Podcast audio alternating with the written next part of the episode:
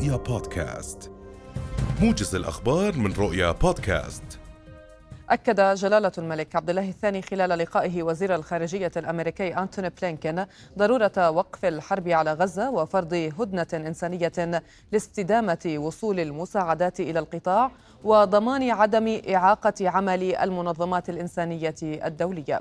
ودعا جلالته إلى تكثيف الجهود الدولية لإيصال الغذاء والمياه والدواء والوقود إلى غزة دون انقطاع ودعم المنظمات الإغاثية العاملة في القطاع.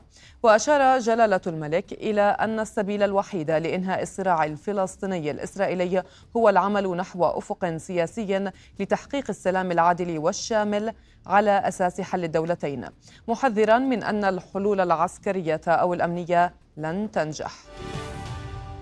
إذا ينضم إلينا أستاذ العلوم السياسية السيد أيمن آه، البراسنة أهلا بك دكتور في آه، أخبار رؤيا ويعني نبتدئ آه، الحوار من حيث السياسة الأردنية والدبلوماسية الأردنية هل استطاعت الدبلوماسية الأردنية اليوم وموقف الأردن الثابت بأن تقلب الكثير من الجوانب إلى صالح الفلسطينيين في هذه الحرب؟ آه، نعم آه، يعني سأبدأ من حيث انتهيت في التقرير للتو قلت ان جلاله الملك يقول بأن الحلول العسكرية غير ممكنة للصراع وبالتالي بناء على هذه الجزئية التي يرددها صقل يعني يعني يرددها الأردن ويرددها جلالة الملك وهي تمثل صوت الحكمة والعقل في إدارة المعركة مع إسرائيل وفي إدارة الصراع مع إسرائيل. عمليا الأردن نجح إلى حد بعيد في تبني سلسلة من المبادرات والجهود الدبلوماسية مكثفة على مستوى المنطقة والعالم والتي استطاع من خلالها أن يبني رايا عاما على مستوى المنطقة العربية وعلى المستوى الإقليمي وعلى المستوى الدولي أيضا. جلالة الملك ومنذ عملية 7 أكتوبر آه، بدأ سلسلة من الاتصالات والزيارات بدأها بجولة أوروبية آه، شملت المملكة المتحدة وفرنسا وألمانيا ومن ثم آه، على المستوى العربي بدأ بجولة خليجية شملت الدول الامارات العربية المتحدة وقطر والبحرين ومن ثم البارحة اجتماع تنسيقي تشاوري بين وزراء الخارجية العرب آه، قبل التقائهم بوزير الخارجية الامريكي بلينكن في العاصمة الأردنية عمان. استطاع الأردن أيضا في الأمم المتحدة أن يستصدر قرار من من الجمعية العامة بالمطالبة بالوقف الفوري لإطلاق النار وإيجاد هدنة إنسانية وإدخال المساعدات إلى القطاع. اذا الأردن في جميع المحافل الإقليمية والدولية يبذل أقصى ما في وسعه دبلوماسيا وسياسيا بغيه الضغط على الإدارة الأمريكية ومن ثم الضغط على الحكومة الإسرائيلية لتنهي عن ممارساتها اللا انسانيه وخاصة موضوع الإبادة الجماعية للسكان والمدنيين. الملاحظ أن منذ 7 7 أكتوبر يلاحظ أن الموقف العربي اتسم ببعض التباين في وجهات النظر ولكن استطاع الأردن وبجهود حثيثة أن يوحد الرؤية العربية تجاه ادانه العدوان واتجاه أيضا المطالبة بوقف فوري لإطلاق النار. الآن نعم. الأردن استطاع أيضا إفشال المخطط الإسرائيلي الأمريكي الرامي إلى التهجير القسري للسكان الغزيين. جل ما تفعل إسرائيل في القطاع هو إبادة السكان لإجبارهم على النزوح جنوبا باتجاه آه، الحدود المصرية ومن ثم إلى سيناء. هذا المخطط والذي حاولت الولايات المتحدة الأمريكية تسويقه منذ اليوم الأول لاندلاع الصراع حاولت إدارة بايدن وزيارات وزير الخارجية بلينكن إلى المنطقة حاول أن يفرض هذا المنطق أو أو أن يسوق له اردنيا ومصريا ولكن وجه بالرفض الشديد والقاطع من قبل الأردن ومن قبل مصر.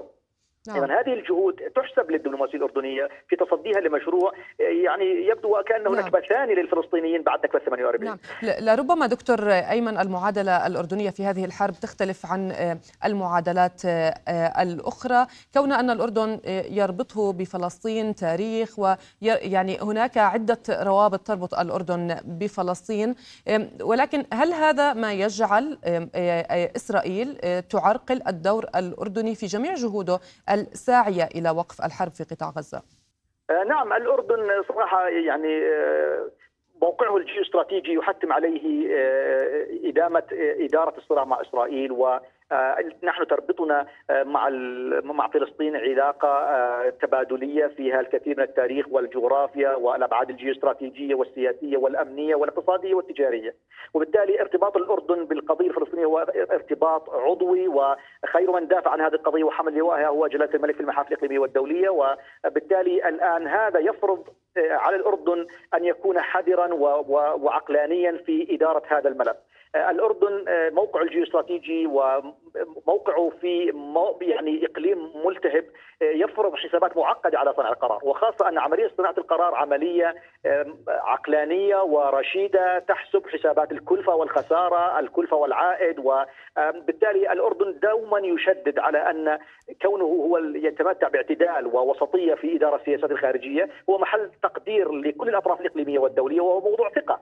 وبالتالي الآن آه، موضع ثقة هذا هو الذي مكن الأردن من المناورة سياسيا ومحاوله بناء وتحشيد الموقف العربي والدولي لدعم القضية الفلسطينية ولدعم الحقوق المشروعة للشعب الفلسطيني وعلى أقلها حقهم في الحياة. وحق الفلسطينيين في إقامة دولة مستقلة كما يتكرر دائما في المحافل الإقليمية والدولية. حقهم في إقامة دولتهم المستقلة على حدود الرابع من حزيران العام 67 وعاصمتها القدس الشرقية. حقهم الآن في وقف العدوان الفوري آه، آه، على آه، غزة. وهذا الموقف الأردني صراحة كان في في المقدمة وتبعه مواقف إقليمية أخرى. الأردن سحب السفير من تل أبيب وأبلغ الخارجية الإسرائيلية بعدم عودة السفير الإسرائيلي إلى عمان إلا إذا توقفت إطلاق النار. البحرين قامت بخطوة مماثلة. إذا الأردن هو سباق في الجهود الدبلوماسية وسياسة التصعيد السياسي والدبلوماسي. يعني سحب السفير هو تصعيد خطوة تصعيدية تشير إلى أن الأردن يحتج ويعترض على كل الإجراءات الإسرائيلية في قطاع غزة. وبالتالي هذه الحسابات المعقدة التي ذكرتها في بداية حديثي تملي على الأردن أن يتحرك ويناور ويحاول أن يضغط ولا لا يعني مناص من اللجوء إلى الخيارات السياسية والتسوية مع مع مع مع, مع, مع هذا الملف. وبالتالي نعم. الأردن آه، عبر هذه السياسة وهذه الاستراتيجية التي تدير الملف وتدير الموضوع الصراع مع إسرائيل. أعتقد بأنه هو موضع ثقة وتقدير آه، سواء من قبل الولايات المتحدة الأمريكية أو الشركاء الغربيين أو الإقليميين، الأردن آه، دوره في في المنطقة المحوري، الأردن مساند للاشقاء للأشقاء في فلسطين وهذا هو ديدنه وسيستمر في هذه الجهود الدبلوماسية والسياسية إلى حين نيل الحقوق المشروعة للشعب الفلسطيني على أرضه. نعم، دكتور أيمن آه، اليوم وزير الخارجية الأمريكي أنتوني بلينكن سيتوجه إلى رام الله ليلتقي بالرئيس الفلسطيني محمود عباس. ما الذي يملكه بلينكن اليوم من أوراق ليطرحها على الطاولة في لقائه مع عباس؟ بلينكن من خلال يعني آه، اجتماعه آه، أمس في عمان مع وزراء خارجيه العرب يعني كنا نتأمل أن يغير هذا الموقف العربي وهذا الاجتماع التشاوري أن يغير من وجهة نظر الولايات المتحدة الأمريكية ولو بشكل قليل تجاه دعم إسرائيل اللامحدود بهذه العمليات ضد غزة. ولكن ما صدر البارحة من إشارات عن هذا الاجتماع بأنه لا يزال الوزير الأمريكي يصر على عدم وقف إطلاق النار في هذه المرحلة. قال بأنه المؤمل الآن أو سيسعى وعد وعد بأن يعني يتم إدخال شاحنات أكثر عبر معبر رفح يعني بحوالي 100 شاحنة لكن الواضح أن غزة في الأحوال العادية تحتاج إلى 500 شاحنة في اليوم فماذا نفعل ب 100 شاحنة يعني بالتالي نعم. لا شك أن الموقف الأمريكي لم يتغير كثيرا يراوح مكانه ولكن المؤمل الآن أن بعد هذا التنسيق العربي وبعد هذا الموقف العربي وبعد كل هذه المظاهرات الحاشدة آه، في أرجاء المعموره سواء على المستوى الإقليمي العربي أو على مستوى الشرق الاوسطي أو حتى على المستوى العالمي، هذه المظاهرات التي جابت شوارع واشنطن ونيويورك ولندن وإسبانيا وباريس وغيرها من العواصم هذه الآن أعتقد أنها يمكن لبلينكن ولبايدن أيضا أن يستثمرها كورقه ضغط إضافية إذا ما ارادت الولايات المتحدة بالفعل إيجاد مبررات للضغط على الحكومة الإسرائيلية، هذا أكبر مبرر أن العالم الآن يرفض هذه الحرب اللا أخلاقية واللا إنسانية على قطاع غزة. نعم. نحن العرب لا نملك إلا أن نوظف الأوراق السياسية التي نمتلكها فيما بعد إذا ما استمرت الإدارة الأمريكية بهذا الدعم غير المسبوق لإسرائيل واستمرت وإسرائيل بهذا الإيذاء وبهذا الاجرام وبهذه الإبادة الجماعية ربما يكون الموضوع أيضا نشهد أوراق ضغط أخرى غير الدبلوماسية والسياسية. ربما نلتفت إلى الاتفاقيات الاقتصادية إلى المقاطعة التجارية إلى وبالتالي يعني كل السيناريوهات مطروحة على الطاولة ولكن المؤمل أن هذا الدعم الجماهيري والشعبي والعالمي لل الحقوق المشروعه الشعب الفلسطيني ربما يعني يجد آذان صاغيه لدى الإدارة الأمريكية والولايات المتحدة أيضا في سياستها تجاه المنطقة لديها حسابات معقدة ولديها حجم مصالح استراتيجية نعم. كبيرة في الإقليم وربما هذا ربما يتم المساس به في في في قابل الأيام إذا ما استمرت هذه الحرب الشعواء على الفلسطينيين ولكن دكتور أيمن يعني بعد شهر على الحرب ومن خلال متابعتك آه، آه، لما يجري آه، من خلال 30 يوم من الحصار ومن يعني الاستهداف للمدنيين في قطاع غزة ولكل ما يحصل في قطاع غزة وأيضا لجهود أمريكا وإسهامها بشكل كبير في تمويل إسرائيل لتخوض هذه الحرب وبشراسة على المدنيين في قطاع غزة. كيف تقيم الموقف الأمريكي بعد شهر من الحرب؟ وأيضا ما الثابت وما المتغير في السياسة الأمريكية من خلال متابعتك دكتور؟ نعم عوامل الثبات والاستمرارية والتغير آه، بدت واضحة وخصوصا مؤخرا آه، اللهجة الأمريكية والموقف الأمريكي تجاه دعم إسرائيل آه، اعلاميا يعني يبدو هو الثابت. ولكن المتغير أن الإدارة الأمريكية يعني وخاصة الرئيس بايدن ووزير خارجية بلينكين ووزير دفاعه أوستن هؤلاء الثلاثة أرسلوا إشارات لإسرائيل في الأيام القليلة الماضية إلى أن الولايات المتحدة الأمريكية تعتقد بأن إسرائيل ليس لديها أهداف حقيقية لتحققها في داخل قطاع غزة، بمعنى آخر وكما سربته نيويورك تايمز بمعنى انه الإدارة الأمريكية باتت على قناعة بأن الإسرائيليين لا يمتلكون اهدافا عسكرية قابلة للتحقق في قطاع غزة. وبالتالي هذا وفي في في سياق آخر وحسب ما يعني رشح من التسريبات الإعلامية أن بايدن قال لرئيس الوزراء الإسرائيلي بأن الدعم الغربي والعالمي لإسرائيل بدا يتاكل هذا معنى إنه اطاله أمد الحرب من شأنها تقويض يعني كل الجهود الأمريكية والإسرائيلية لتحقيق الأهداف. على الأرض ميدانيا نجد أن هناك متغيرات. بعد الدخول البري تفاجأت القوات الإسرائيلية بحجم المقاومة لم تستطيع أن تتقدم. هي يعني الخاصه الرخوة التي دخلت من القوات الإسرائيلية من شمال جحر الديك إلى تخوم الحي حي الزيتون جنوب يعني إلى جنوب حي الزيتون وإلى شمال جحر الديك. هذه المنطقة السهلية المفتوحة التي دخلت القوات لم تستطع ان تتوغل أكثر من تقريبا 3 كيلومتر. قطعت شارع صلاح الدين ثم انكفأت وتراجعت. على الساحل هناك شارع الرشيد وصلت ثم طيران حربي يقصف المناطق هناك ولكن لا يوجد تقدم حقيقي على الأرض عسكري بمعنى التقدم الحقيقي. ولذلك الآن إسرائيل في المشهد العسكري البري هي تفشل فشل ذريع وتخسر الكثير من قواتها. هذا متغير. قد يقود بالفعل آه، الولايات المتحدة إلى إعادة تقييم دعمها اللامحدود لإسرائيل كون إسرائيل لم تحقق نصرا ضد حماس ولم تستهدف كوادر حماس ولم تستطيع الإجهاز على المقاومة. إذا آه، إطالة أمد الحرب ستكون آه، ضاغطة على الإسرائيليين وعلى الأمريكيين. الداخل الإسرائيلي وهذا الاحتشاد من الناس والجماهير الغاضبة المطالبه بالإفراج عن الرهائن ووقف الحرب أيضا ضاغط. الكلفة عالية على إسرائيل وكلما طال أمد الحرب كلما زادت هذه الكلفة على على إسرائيل بشريا واقتصاديا وسياسيا. الغرب الآن وأوروبا رأينا تراجعا في نسبة الدعم التي شهدناها منذ الأيام الأولى. لأن نعم. كل الغرب وكل العالم وكل والولايات المتحدة معهم آه، تبنت الرواية والسرديه الإسرائيلية، الآن الطرف المقابل ينظر إلى الرواية الفلسطينية وإلى الرواية العربية، وأعتقد أن الجهود الدبلوماسية الأردنية كانت حثيثة واستطاعت أن تظهر للغرب وللأمريكان طبيعة المشهد وأن الرواية العربية يجب أن يلتفت إليها، لا يجوز بأي حال الأحوال أن آه، تستمر إسرائيل في في حربها على غزة. وليس من المعقول أن تمد أمريكا كل يعني بكل أنواع السلاح والعتاد والطيران والذخيرة لهذه الحكومة اليمينية المتطرفة. آه، شخصية نتنياهو طبيعته معقدة جدا، شخص انتهازي يراوغ آه، يريد إنقاذ مستقبله السياسي. وهو يعلم أنه في الوقت الذي ستنتهي فيه غبار المعركة وتتوقف ستبدأ المحاسبة سياسيا، ولذلك هو يحاول أن إطالة أبد المعركة، يحاول تحقيق نصر زائف وهم. ولذلك نحن إمام سيناريوهين. إما الاستمرار في الإبادة الجماعية والدعم الأمريكي غير محدود بغض النظر عن المواقف العربية والدولية وإما أن يكون السيناريو الآخر أن تتراجع الولايات المتحدة عن دعم إسرائيل وتعطيها إشارات بضرورة الاكتفاء والانسحاب وخصوصا في ظل المتغيرات على الأرض وفي ظل ارتفاع الكلفة على إسرائيل وعلى الولايات المتحدة.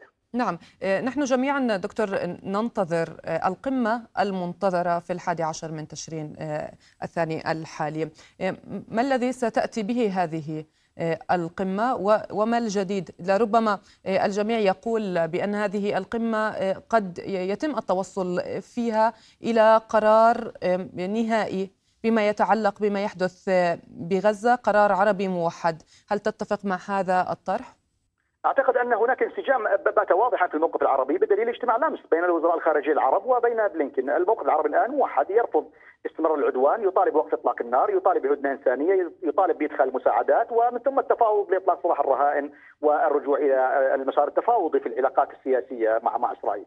الموقف العربي الآن واضح القمة الطارئة سترسخ هذا الموقف وستطالب بأولى الأولويات وهو إيقاف العدوان يعني قبل الحديث عن مفاوضات ومسار تسوية سياسية نحن أحوج ما نحتاج إليه في هذه الظروف هو إيقاف العدوان الإسرائيلي على قطاع غزة وهذا ما كان مؤملا في اجتماع البارحة مع الوزير الأمريكي بلينكن في عمان ولكن للأسف الموقف الأمريكي يبدو أنه لم يأخذ هذه التحذيرات على محمل الجد ولا تزال أمريكا آه، تراوغ في موضوع وقت إطلاق النار وتقول بأن هناك تفكير في هدنة إنسانية. نعم ستكون هناك مطالبه بهدنة إنسانية أيضا في القمة ولو لفترات مؤقتة نتكلم عن أربع خمس أيام حتى لو كانت قصيرة. آه، المهم في الموضوع إيقاف العدوان إيقاف هذا هذه هذا الدمار هذه الإبادة الجماعية الاستهداف الفلسطينيين ضمن نظرية الأرض المحروقة. يعني نعم هذا هذا هذا كله صراحة سيكون مدار بحث بين القادة العرب على هذه القمة. ولكن أعتقد أن مجرد هذا التنسيق البعض يقول لماذا القمة وتأخرت.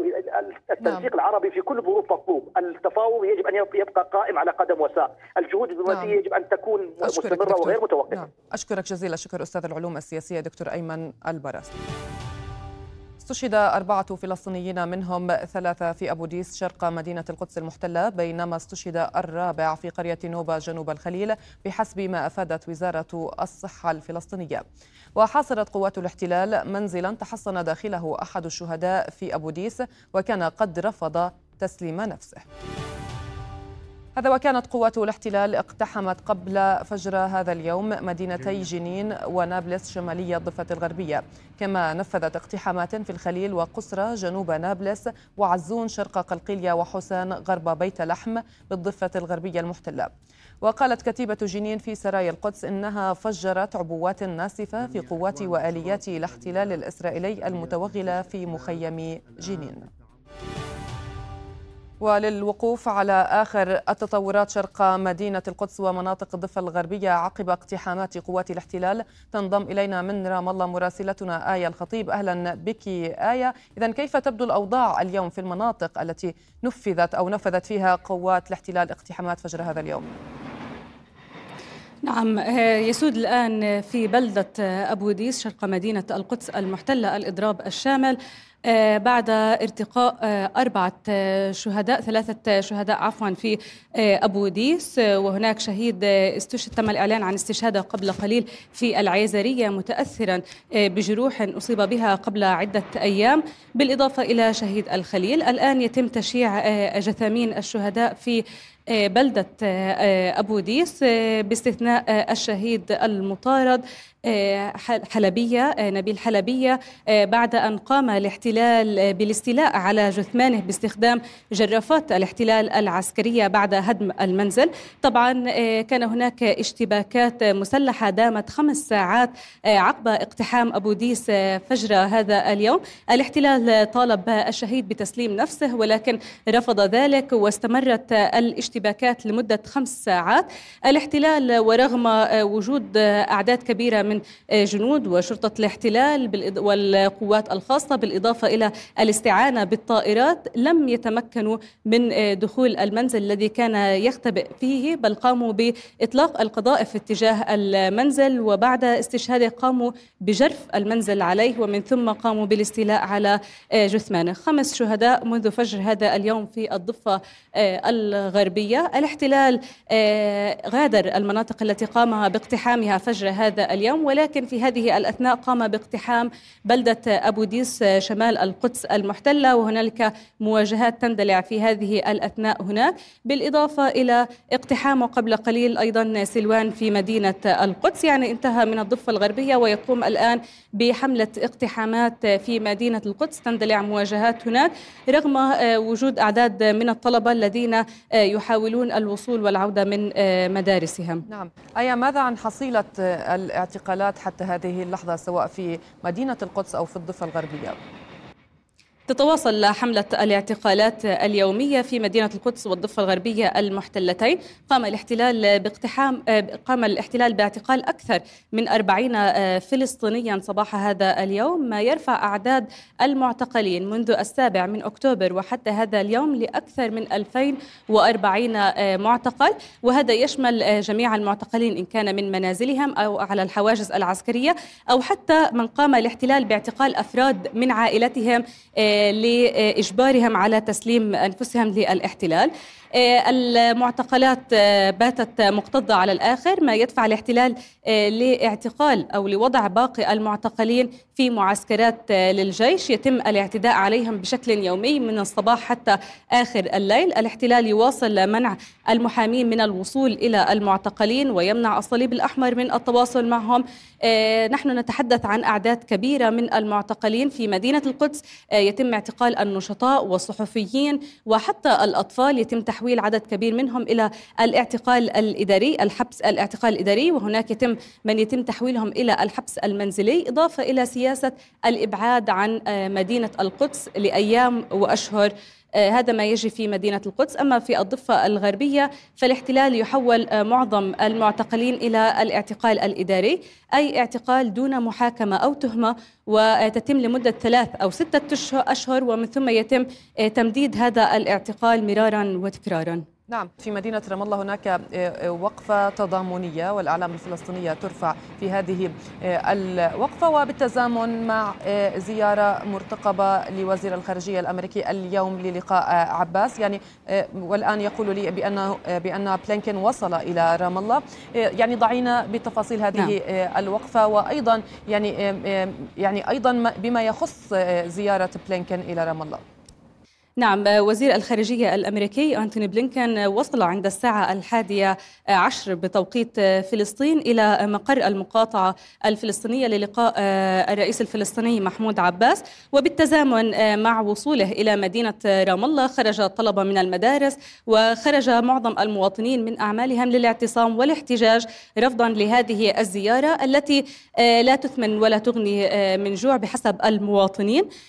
قد رأينا في السابق كل الزيارات التي تمت الزيارات الدبلوماسية. لم تسعف آه، الفلسطينيين في قطاع غزة لم توقف الحرب ولم آه، تسمح بدخول المساعدات لقطاع غزة. لهذا آه، السبب الشعب الفلسطيني يرفض استمرار هذه الزيارات الدبلوماسية للمقاطعة الفلسطينية ولمدينة رام الله. نتحدث عن العشرات الذين خرجوا في مدينة رام الله للاعتصام والاحتجاج. ومن المفترض وخلال الساعات القادمة أن تنطلق مسيرة أخرى باتجاه آه، حاجز بيت إيل المقام على أراضي مدينة البيرة آه، للاشتباك مع الاحتلال آه، غضبا ورفضا لما يجري في قطاع غزة من مجازر وإبادات متواصلة بحق الشعب الفلسطيني. نعم شكرا جزيلا مراسلة رؤيا في رام الله آية الخطيب كنت معنا شكرا جزيلا لك. أكد مراسل رؤيا في غزة تعليق حماس إجلاء الأجانب وحاملي الجنسية المزدوجة من القطاع إلى مصر عبر معبر رفح جراء رفض تل أبيب نقل الجرحى الفلسطينيين إلى مستشفيات مصرية. وقال إن حماس اشترطت لخروج حملة الجوازات الأجنبية تنسيق وخروج الجرحى من مستشفيات غزة والشمال باتجاه معبر رفح دون التعرض لهم من قبل الاحتلال. ونقلت وكالة الأنباء الفرنسية عن مصدر أمني مصري تأكيده بأنه لم يصل أي مصاب أو حامل جواز سفر أجنبي إلى معبر رفح يوم أمس وأن الحركة توقفت بعد قصف سيارات الإسعاف التي كانت تنقل المصابين إلى المعبر.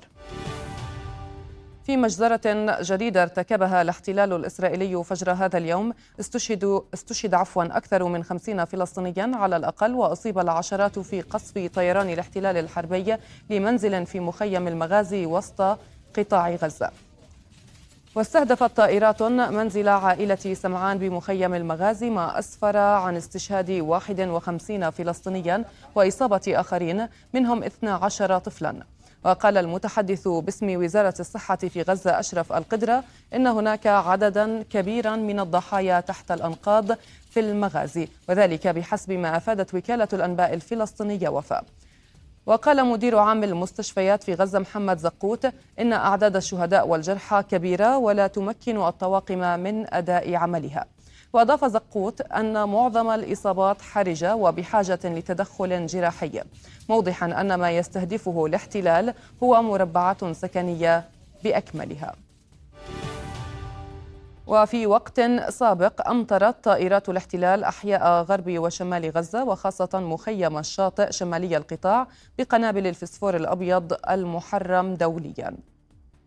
وأفاد مراسل رؤيا بأن معارك ضارية تدور على شاطئ البحر شمال غرب غزة قرب مخيم الشاطئ وجيش الاحتلال يقصف المكان بجنون. وانتشلت طواقم الإنقاذ والإسعاف ومواطنون جثامين خمسة شهداء وعددا من الجرحى من تحت أنقاض منزل عائلة غرب غزة قصفته طائرات الاحتلال في وقت سابق. في حين تتواصل المحاولات لانتشال جثامين وجرحى ما زالوا عالقين. هذا ويواصل الاحتلال الإسرائيلي عدوانه وقصفه المكثف على غزة وتدمير المنازل والبيوت على رؤوس ساكنيها وتدمير الطرق والبنية التحتية في القطاع في ظل الحصار الكامل المفروض عليه والافتقار لمقومات الحياة الأساسية ومنع دخول الوقود.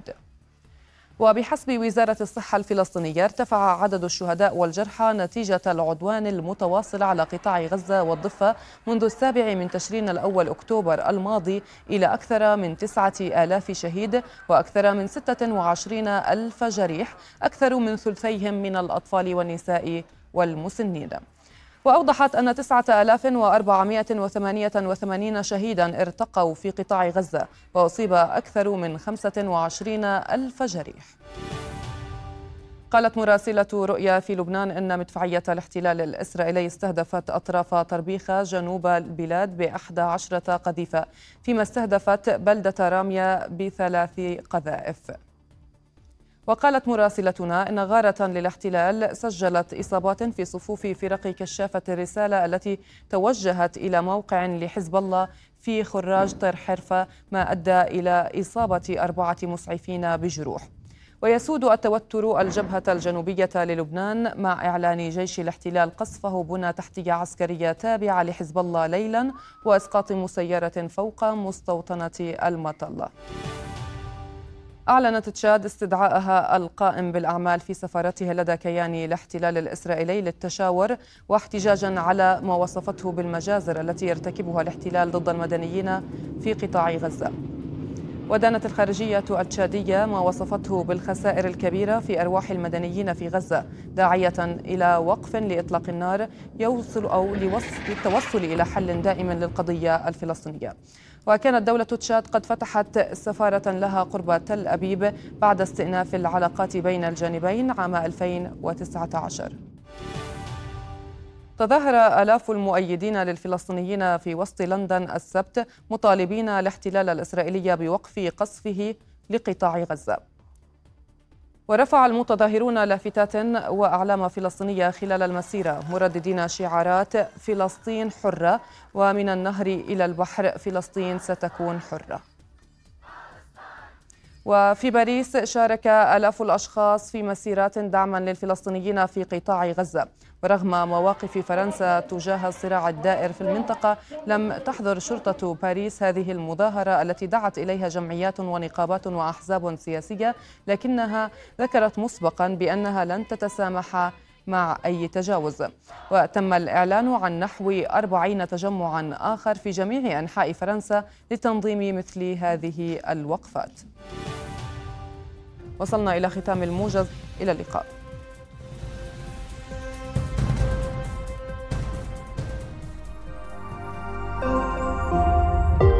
رؤيا بودكاست.